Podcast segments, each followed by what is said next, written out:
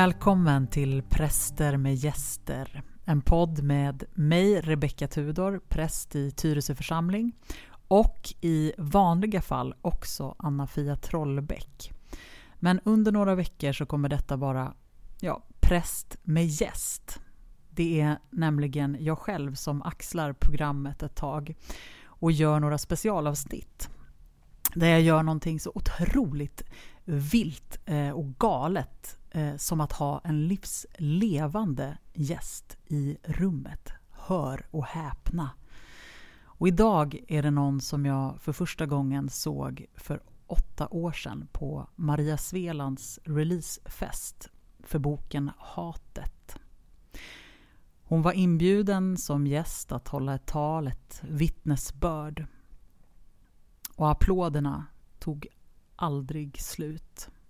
Hela Södra Teatern reste sig upp och tårarna rann längs våra kinder och det var så starkt. Jag ska läsa ett utdrag av vad hon sa. Sen 2005, när jag startade min blogg, har jag då och då blivit hotad. Det har kommit brev att jag passar bättre i sängen än i politiken.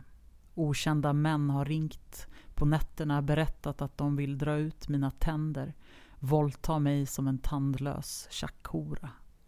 En dos av hat har blivit vardag. För drygt två år sedan blev det mycket mer än en dos. Hoten om sexuellt våld blev globala. Jag fick polisskydd, fick sluta mitt jobb, flytta ur min lägenhet, sluta blogga och jag uppmanades också att inte skriva under artiklar med mitt eget namn. Jag kände mig som ett jagat djur. Ja, jag kommer nog aldrig glömma den där stunden på Södra Teatern.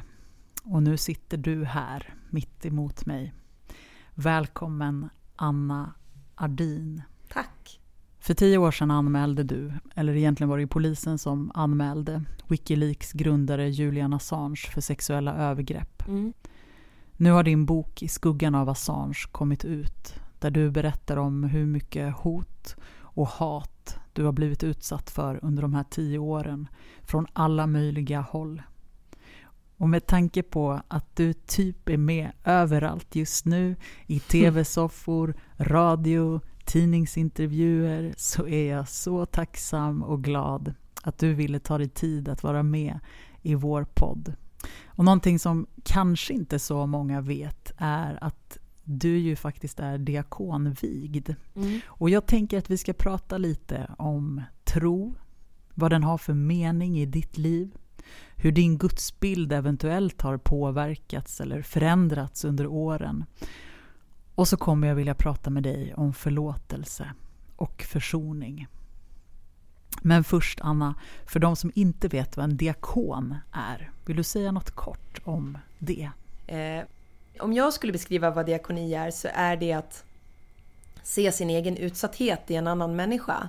Mm. Att, att kyrkan har ett, ett uppdrag att, att förändra eh, den här världen. Att, att arbeta för att Guds rike ska komma på, på jorden och inte vara i himlen. Så. Mm. Eh, och att vi, är, vi har ett uppdrag som, som kristna egentligen att, eh, att vara Guds händer och fötter i den här världen för att, att vi ska närma oss Guds rike och att diakoner är ledare i det arbetet. Mm. Du har ju skrivit att tron liksom är som den röda tråden i ditt liv. Har du en eh, kristen bakgrund? Är du liksom uppvuxen med en tro. Berätta. Det, på sätt och vis kan man säga att jag är det. Mina föräldrar har ju inte varit aktiva i kyrkan egentligen. Eh, min pappa var, har ju varit liksom lite på sidan av kyrkan. Eh, framför allt genom ett eh, ungdomsläger på, som har varit liksom under varje sommar och där har bildats en ganska tajt grupp av, av människor som har haft lite som en, en församling vid sidan av en församling, eller liksom vid sidan av en kyrka. Mm. Och den kyrkan som arrangerade det lägret, där har jag ju haft, ja men varit, jag räknade ut att jag hade varit aktiv där i 16 år innan jag började kalla mig kristen och faktiskt blev medlem. Och eh, eh, i, i den vevan så började det också när jag förstod att så här, jag är faktiskt kristen eh, och har varit det hela tiden och min tro har egentligen inte förändrats. Så, ehm, vad gjorde att du liksom kunde kalla dig för kristen? Vad, vad är nerven i tron för dig? om jag, om jag får börja i den andra änden, vad det var som gjorde att jag inte kunde vara kristen. Mm. Var att, att jag tyckte att det var, det var väldigt många som, som hade väldigt tydliga uppfattningar om vad det är att vara en kristen och att kristendom i, i offentligheten ofta är liksom en... Ja men du ska vara emot abort, vara emot homosexualitet och... Eh, eh, mm. Ja men liksom vissa så dogmer som jag inte alls kände igen från min hemförsamling. Och att jag såg att så här, men de, jag har tänkt under väldigt stora delar av, av, min uppväxt så att det här är en speciell församling. De är inte egentligen riktigt kristna. Liksom, utan kristendomen är någonting annat. Så. Ja. Mm. Men, men sen när jag... jag det var, började egentligen med att jag blev politiskt engagerad i Socialdemokraterna. Och, och där märkte jag mer och mer att de frågorna som jag brann för. Flyktingars rättigheter, klimatfrågor, eh, vapenexportfrågor, mänsklig värdighet på olika sätt. I många olika sammanhang så stötte jag på folk från Trosolidaritet eller från, från kristna socialdemokrater som de hette då. Mm. Eh, och att det var någonting. Och sen så träffade jag även muslimer som också var socialdemokrater eller som var liksom, politiskt engagerade i, i, i, på olika sätt. Som också hade landat i samma slutsatser i de här frågorna där vi liksom delvis var i opposition till vårt eget parti. Och att det var liksom kommit på efterhand att det är tron som är den röda tråden här. Att vi har mm. ett tydligt um, annat fundament kring hur vi ser på människor. Mm. Att Gud har varit en, en uh, stöttepelare i det som gör att det går att hålla fast vid vid den människosynen trots att de praktiska förutsättningarna inte ger möjlighet till det. Att vi liksom inte, vi kan inte kompromissa med vad som helst på något sätt. Och sen nu, de säger ju det fortfarande, att du är ingen riktig kristen. Liksom Christer Sturmark och mm. Sivert Öholm eller liksom Livets Ordarna är ju överens om mm. en kristen är det här som jag tycker är dåligt. Och jag vill inte vara en sån, mm. en sån kristen. Liksom. Ja, nej, men jag tycker själv att det, det där är så intressant. Alltså, du vet att det där epitetet, att så här, ja, men du vet när folk säger så här, ja, men, ja, men du är ju inte sån, du är ju inte så där superkristen. Man bara, va? Jag är visst superkristen, vad snackar du om? Och det är så här, men det är du som har valt bort en, en rik kan inte komma in i Guds rike. Har du missat den passagen? Liksom? Mm. Har du, så här, vi ska inte fasta genom att späka oss själva, vi ska fasta genom att krossa allt förtryck. Mm. Har du missat det också? Så här, klipp ut allting som, som de som påstår sig vara bibeltrogna har missat i Bibeln. Mm. Och de här liksom fem väldigt tveksamma citaten om att man inte ska tycka att homosexualitet är okej. Mm. Det är liksom, ja men, det blir liksom så himla löjligt att, att påstå att det är jag som inte tror på Bibeln. Liksom, mm. När det verkligen är tvärtom. Just det. Upplevde du att du fick en kallelse att bli diakon? För det var inte så länge sedan, eller hur, som du blev diakonvigd? Vad är det? Är det två år sedan? Ja, sedan 2018, ja precis. Ja. Två, ja, snart tre år. Um, ja, alltså jag beskrev inte det som, det som det när jag sökte till diakonutbildningen, utan det tog ett tag. Jag började ju plugga på diakonutbildningen innan jag sökte till att bli diakon. Mm. Majoriteten i vår klass skulle ju inte bli diakoner utan var men liksom gick som en diakonal utbildning också från olika samfund och sådär.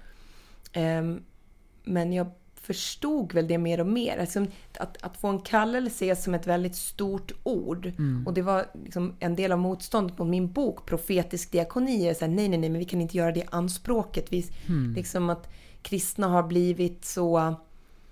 Ja, men det blir som en slags falsk ödmjukhet. Mm. Att man ska inte missionera, man ska inte egentligen vara tydlig med vad tron får för konsekvenser, för det blir kontroversiellt. Så, så att, och kallelse är lite en, en, samma ord. Att, att det är så här, men vadå, tror du att du har något slags band med Gud eller? Mm. Och att det är så här, ja, det har jag faktiskt. Och att liksom ha, bygga upp det självförtroendet i att våga säga att, så här, men jag, att jag har känt den här övertygelsen att stå på de förtrycktas sida. Mm. Att det är så här, den som behöver stödet, det är där jag ska stöttat. Det har jag ju känt det så här, jag vinner inte på det oftast. Eh, jag blir omöjlig i olika sammanhang, det är jobbigt, det blir pinsamt men det är ändå så här, det är ändå rätt. Mm. Vad, vad, är det för någonting om inte en kallelse? Eh, så att det... Eh, och det är väl det som har genomsyrat mitt liv. Mm. Ja, men det var lite ovant för mig när jag skrev den här boken i skuggan av Assange att, att det är jag som är den, den som blir utsatt nu. Att det var från början var det så här, men jag ska stötta den här andra tjejen som ska gå till polisen. Att det liksom har blivit en del av min identitet. Att jag är den starka som ska hjälpa de svaga på något sätt. Så att det, det blev väldigt tydligt när en i, eh, i december, tror jag det var, ja men det var nog lite senare, under 2011 så var jag på en gudstjänst som handlade om utsatthet. Och det blev så himla tydligt för mig då att det är så här, men det är jag som är utsatt nu. Hmm. Men vad gjorde det med, vad gjorde det med din, eh, din tro, din gudsbild, din gudsrelation? Har den, har den påverkats under de här åren? Alltså det, den har påverkats väldigt mycket. Det är svårt att veta vad som har påverkat, om det är mina egna erfarenheter eh, eller utbildningen. Men det är väl en kombination av det här att jag har haft den här erfarenheten att relatera till väldigt tydligt um, i när jag har läst om, om diakoni på olika sätt. Mm. Um, och att den där... Jag menar att, att inte heller göra sig till ett offer. Mm. Att det är inte så att bara för att jag är utsatt nu så är jag inte bara utsatt. Och att ingen människa är...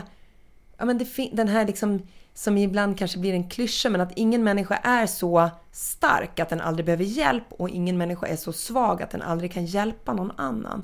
Det blir ju en diakonal vägledning. Mm. Väldigt tydligt tycker jag. Och att det där är den gudsbilden som jag kanske egentligen på ett sätt har haft hela tiden men, men som jag har kunnat sätta ord på väldigt mycket att vi är, vi har uppdrag från Gud, att vi är vi behöver hjälpa Gud. Mm. Att Gud. Det finns ett skäl till att Gud blev människa. För att Gud var ett litet spädbarn som hade dött om inte människor hade hjälpt mm. honom i den situationen. Och att det där, det där är nästan lite kontroversiellt ibland inom kristna kretsar. Att säga Gud är allsmäktig och Gud tar hand om oss och vi ska inte ta hand om Gud. Och bara, men jag, när, när jag väl liksom satte ord på det där och väl förstår det där att, att Gud finns i andra människor. Mm. Att då måste vi hjälpa andra människor för att hjälpa Gud. Vad ni har gjort mot en av dessa som är mina minsta, det har ni gjort mot mig. Det, liksom, det kan inte bli mycket tydligare än så. Eh, att, att vi, vi hjälper Gud. Mm. Liksom. Eh. Nej, alltså för mig är det kanske den vackraste bilden av Gud som ett skyddslöst litet barn som behöver bli omhändertaget. Att så här, vuxna måste ta hand om det här barnet eh, för att det ska kunna växa och bli till. Men det är också, det är liksom människorna också som dödar Gud. Så människorna tar hand om och människorna dödar. Mm. Men att Gud finns i, i andra människor och Gud finns i kärleken och Gud finns i, i våra relationer med varandra. Mm. Och det är så Gud belönar oss också. Mm. Genom att vi, att vi gör Guds vilja så bygger vi den världen som belönar människorna. Mm. Ja, men vi har ju precis gått in i den kristna fastan, den 40 dagar långa fastan som leder till påsk. Vad betyder fastan för dig? Men fastan tidigare varit för mig mer den här, vad ska man säga, mainstream kristna avstå från någonting, eh, mm. testa dig, inte äta godis eller så. Mm. Men sen jobbade jag på Kista folkhögskola, muslimsk folkhögskola. Och under Ramadan där så, så blev det väldigt... Jag lärde mig väldigt mycket om fastan från, från dem, det var ju liksom absolut majoritet muslimer, och hur de fastade tillsammans. Mm. Och att det blev så, här, så himla tydligt att det är så här, men vi ska inte äta och dricka. Det var jätte... Mm. Stor utmaning för dem och att då blev det också en lunchpaus. När de inte behövde ha lunch så var det så här, men vad gör vi på vår lunchrast nu när vi inte ska äta? Och att de då kom på olika grejer som de, att de inte fortsatte att jobba bara utan de gjorde någonting annat. Gick ut och skramlade med bussar på stan eller sådär. Och att det blev liksom där, den här kopplingen mellan att, att fasta själv och att avstå och få syn på någonting annat i, i världen blev viktig. Och sen så när kyrkan gjorde sin klimatfasta mm. och att det är så här, men ett syfte, så här, vi avstår för något större gott. Mm. Det blev också en väldigt tydlig så här, vi, vi behöver fylla fastan med ny mening. Att så här, ja, men kopplingen att det inte är fel att fasta med mat och dryck. Det kan vara ett väldigt effektivt sätt. Att, också, att det också blir en kollektiv sak. Att vi liksom fastar från samma saker. Och det är det som också kyrkans klimatfasta säger mig. Att det är så här, men nu har vi ett gemensamt fokus här i våran fasta. Mm. Och jag tyckte det var så himla bra. Liksom. Mm.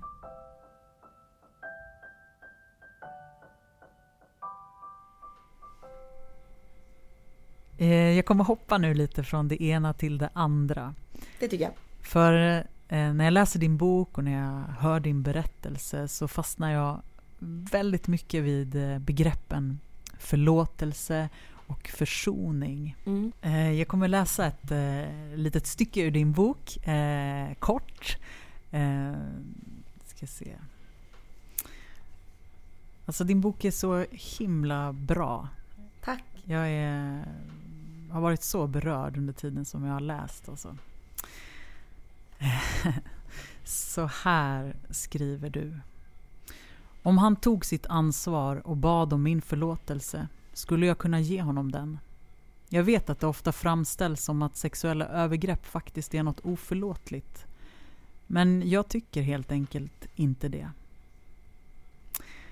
Tolkar jag dig rätt? Kan man förlåta allt? ja, alltså...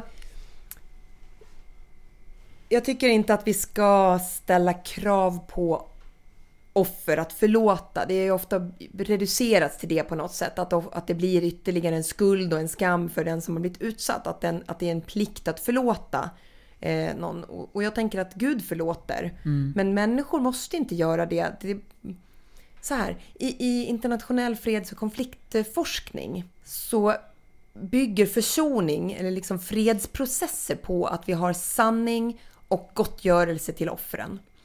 Eh, inte straff i första hand, men det kan bli ett sätt, en, en rättegång eller så kan bli ett sätt att få fram sanningen och bli en gottgörelse för offren på, på något sätt, att man erkänner den skada som personen har lidit. Men det räcker ju inte om personen kommer ut och fortsätter att kränka, fortsätter förneka sanningen, om, om omvärlden säger att han blev dömd men det var fel dom, så har man ju inte nått någonstans alls. Och att den här...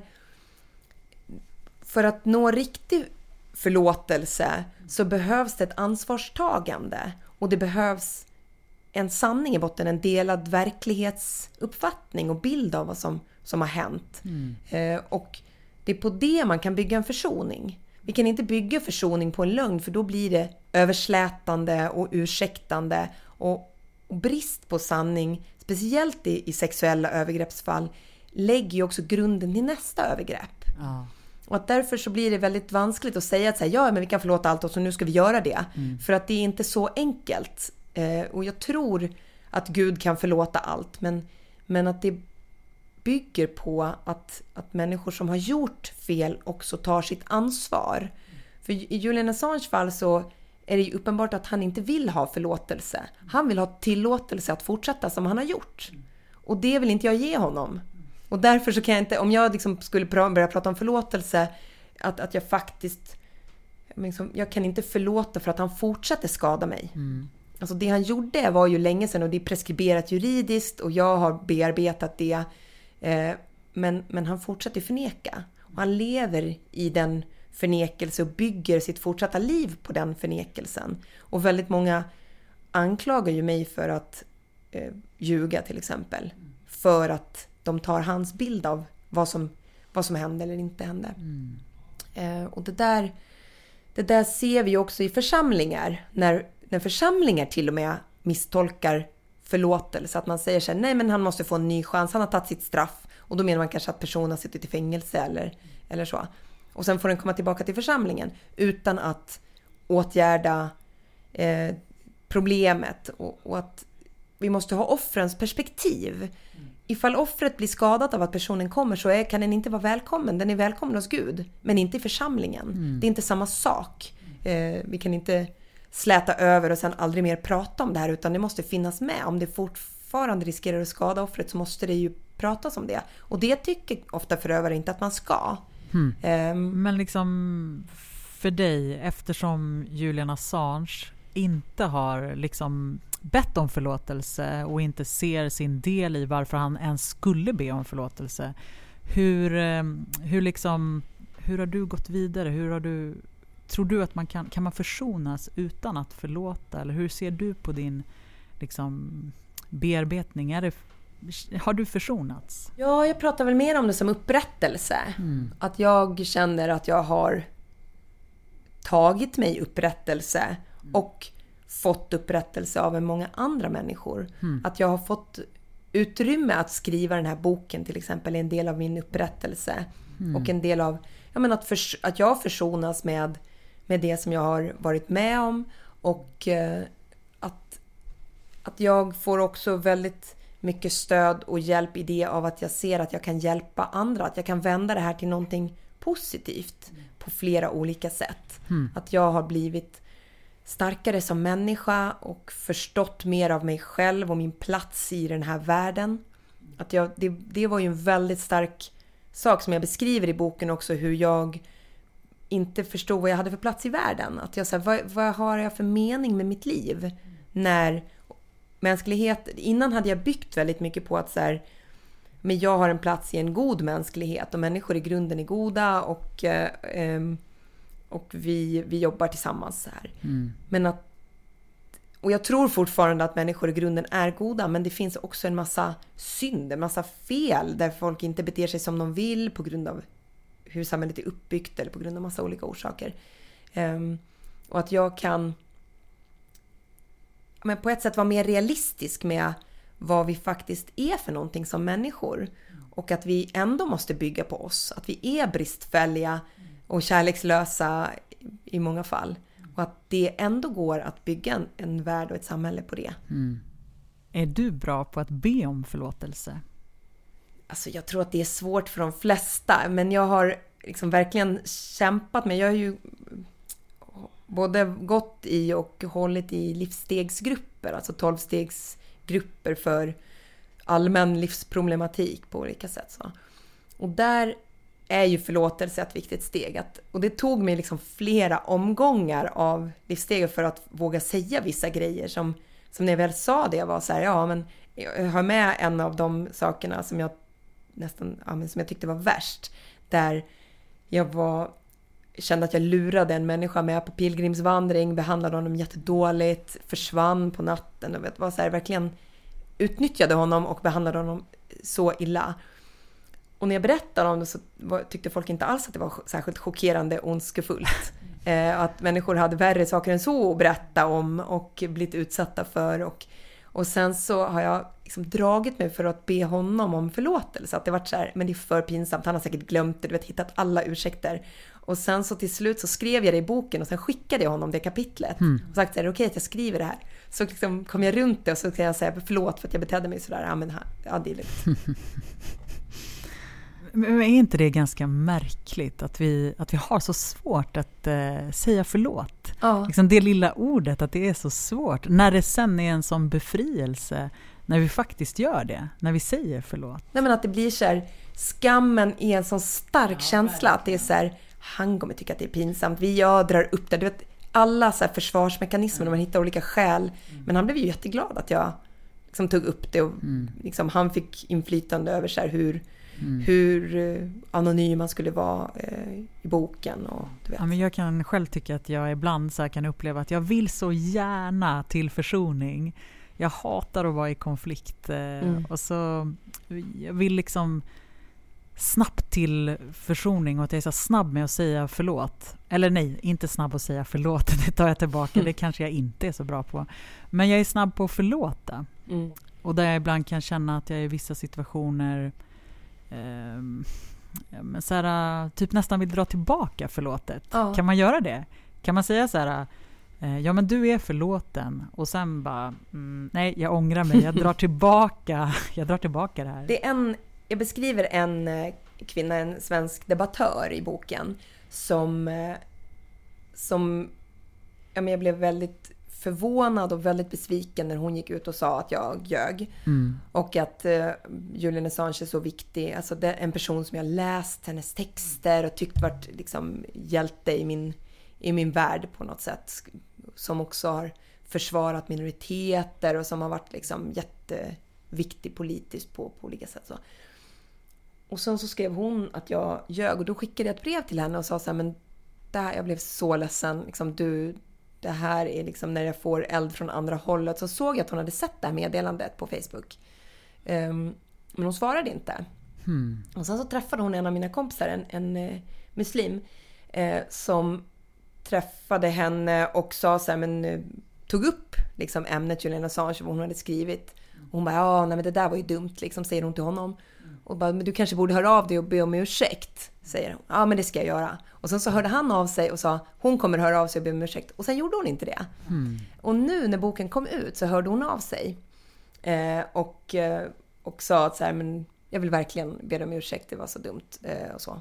Och då så sa jag så här, men självklart. Liksom. Och du gjorde det här och det här, liksom bara beskrev vad hon gjorde. Och hon var liksom, kände inte igen sig riktigt i den bilden. Hon bara, nej men jag menade nog inte så. Det var som att hon tog tillbaka att hon bad om ursäkt. Och liksom erkände inte min bild av det och inte att hon hade gjort något fel. Nej, men jag minns inte vad jag sa, säger hon. Och att det är så här, ja men det är viktigt, jag såg att du var diakon och då vågade jag, det var så svårt för mig att be om ursäkt. Men det var som att hon inte riktigt bad om ursäkt. Och jag så här, ja men det fortsätter ju. Mm. Liksom. Och det blev, så, det blev ganska jobbigt att det var så här, men jag kunde inte få henne att dela min bild i alla fall. Och att, att den ursäkten bygger på liksom att det är så här, hon lägger på mig, du är diakon, nu får du förlåta mig. Eh, och att jag gjorde det och att det blev så här, men det, här var inte det, här, det är inte det här jag menar liksom. Med att... eh, att alltså, ja, men jag går med på din bild, men jag vet inte vad det var för bild, men ja, ja, whatever you say liksom. Ja, förlåt, förlåt, förlåt. Du vet, det där är liksom inte vad förlåtelse handlar om. Att man bara så här ska stryka ett streck över det. Så här, men vi glömmer att du var dum förut. Mm. Och sen så kan du fortsätta att vara dum. Men alltså det där, alltså få det där äh, misstänkliggörandet, äh, att liksom få också det från det egna ledet. Alltså från andra systrar, från feministiska förebilder. Det är ju en sak att bli hatad av meningsmotståndare. Då kan man ju nästan känna så här, ja men alltså du det är helt rätt, hata mig liksom. eh, då betyder ju det liksom att jag gör rätt. Men att, men att få hatet från, ja, men från systrar liksom. Mm. Hur fan stod du ut Anna? Alltså så här. Jag är, jag är sån här, äh, om jag har sett en film, det här är alltså en jätte, jätte banal bild, men om jag har sett en film eller en serie så bara, mm, vad fin den här var. Och sen så läser jag en recension av någon som var en förebild eller någon som jag tycker skriver bra, som sen sågar filmen. Eh, alltså du vet att då så här, äh, du vet, då vacklar jag i min i min åsikt och bara nej men vänta nu, det kanske inte, det kanske inte var så bra trots allt. Alltså förstår du, så svag är jag. Alltså hur? Hur stod du ut? Hur har du klarat allt Nej det här? men det var faktiskt eh, ja, men två, två olika sätt. Det ena var liksom det praktiska att det var, det var människor som klev fram som jag aldrig hade trott skulle kliva fram. Liksom, en kvinna som jag har bråkat med massor som jag tyckte var helt pucko. Liksom, som, ja, men bland annat om, eh, hon tyckte att man inte skulle utbilda så många människor för folk blir överutbildade. Du vet, man bara så här riktig borgar eh, liksom. Mm. Som bara, men det här är fel. Liksom. Du backade upp mig och praktiskt hjälpte mig och kontaktade folk. Liksom, verkligen så här, ställde upp. Och även så här, en del ledarskribenter och så här, som vanligtvis skriver massa skräp. Liksom, plötsligt var på min sida. Att det skar liksom på en annan ledd. Att det var att det så här, regeringen Reinfeldt bara, nej men lägg av. Det här är liksom, vi tänker inte ta upp det här fallet. Det här är ju liksom juridiken gör rätt här och stöttade rättsväsendet och sådär. Jag vet att det fanns människor som hade principer som inte lät liksom, den aktuella debatten påverka, som inte tog tillfället i akt. Men att det var ju det ena, liksom, att det är massa människor som jag inte trodde skulle stå på den här sidan, att världen var inte så enkel. Det var inte bara höger-vänster. Liksom, utan det finns många andra dimensioner om, om rättssäkerhet, sanningen, mm. eh, liksom, eh, så, som, som är mer komplicerat. Och det andra är ju att är ju Gud. Mm. Att det finns en rättvis domare. Jag vet att jag inte har gjort de här sakerna som de anklagar mig för. Jag vet att jag inte är brottslingen. Och att, att då veta att det finns en rättvis domare var en stor styrka. Mm.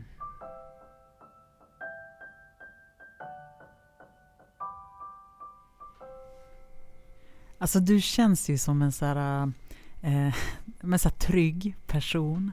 Men liksom, hur var allting innan allt det här? Hur var det då? Var du liksom en, eh, är du liksom en grundtrygg människa från början? Liksom? För jag tänker att din, din självkänsla måste ju ha påverkats av, av allt detta hat och hot. Hur... Nej men jag, det var jag nog inte. Jag var ju också, och jag beskriver det ganska tydligt i boken, jag var ju också i en ganska destruktiv relation på, på flera sätt. Jag tog inte upp det i boken, men, jag, ja, men så här, en person som kunde säga när jag gick ut så här, ska du verkligen ha på dig det där?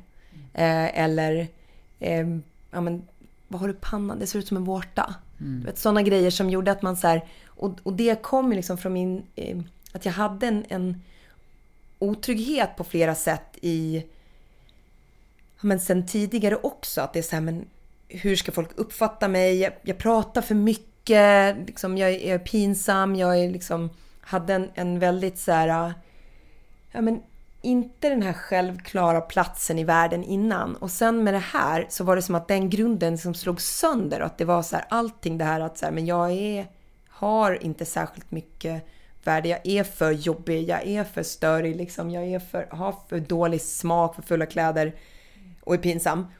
Eh, så var det som att det liksom gick ännu mer sönder då. Att jag var tvungen att bygga upp någonting annat i, i det där. Och att, att det, där har ju tron varit väldigt central. Att veta att så här, jag har ett värde och jag har ett uppdrag. Mm. Och att liksom hitta språket för att beskriva det och hitta min egen, min egen, ja men verkligen min egen plats i världen.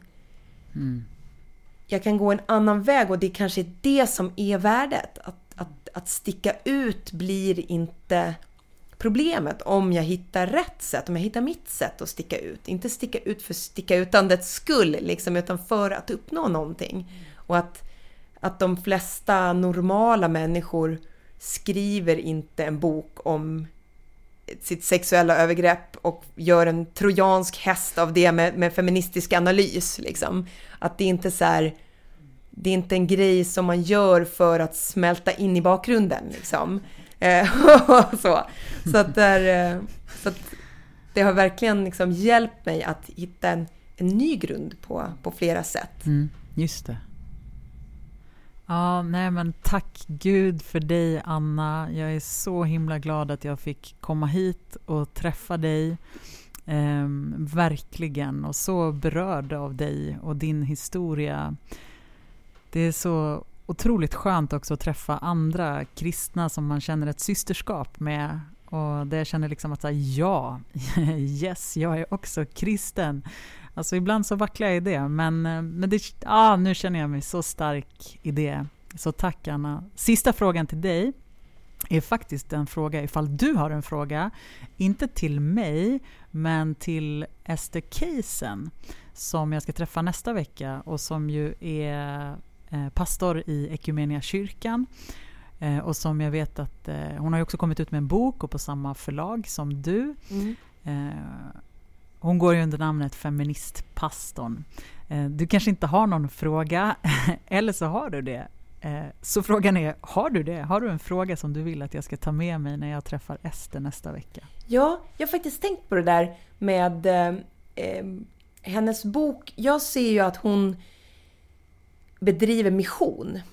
Och mission är ju någonting väldigt kontroversiellt som har varit länge kontroversiellt att det ska man absolut inte hålla på med. Mission är att banka bibeln i huvudet på folk. Liksom inom Socialdemokraterna inte minst så ser jag väldigt eh, många sådana åsikter att säga men du får gärna vara kristen men du ska inte försöka påverka någon annan att bli kristen. Nej, men pracka på, exakt. Och att man liksom ser kristendomen som eh, något eh, ondskefullt på något sätt i, i grunden.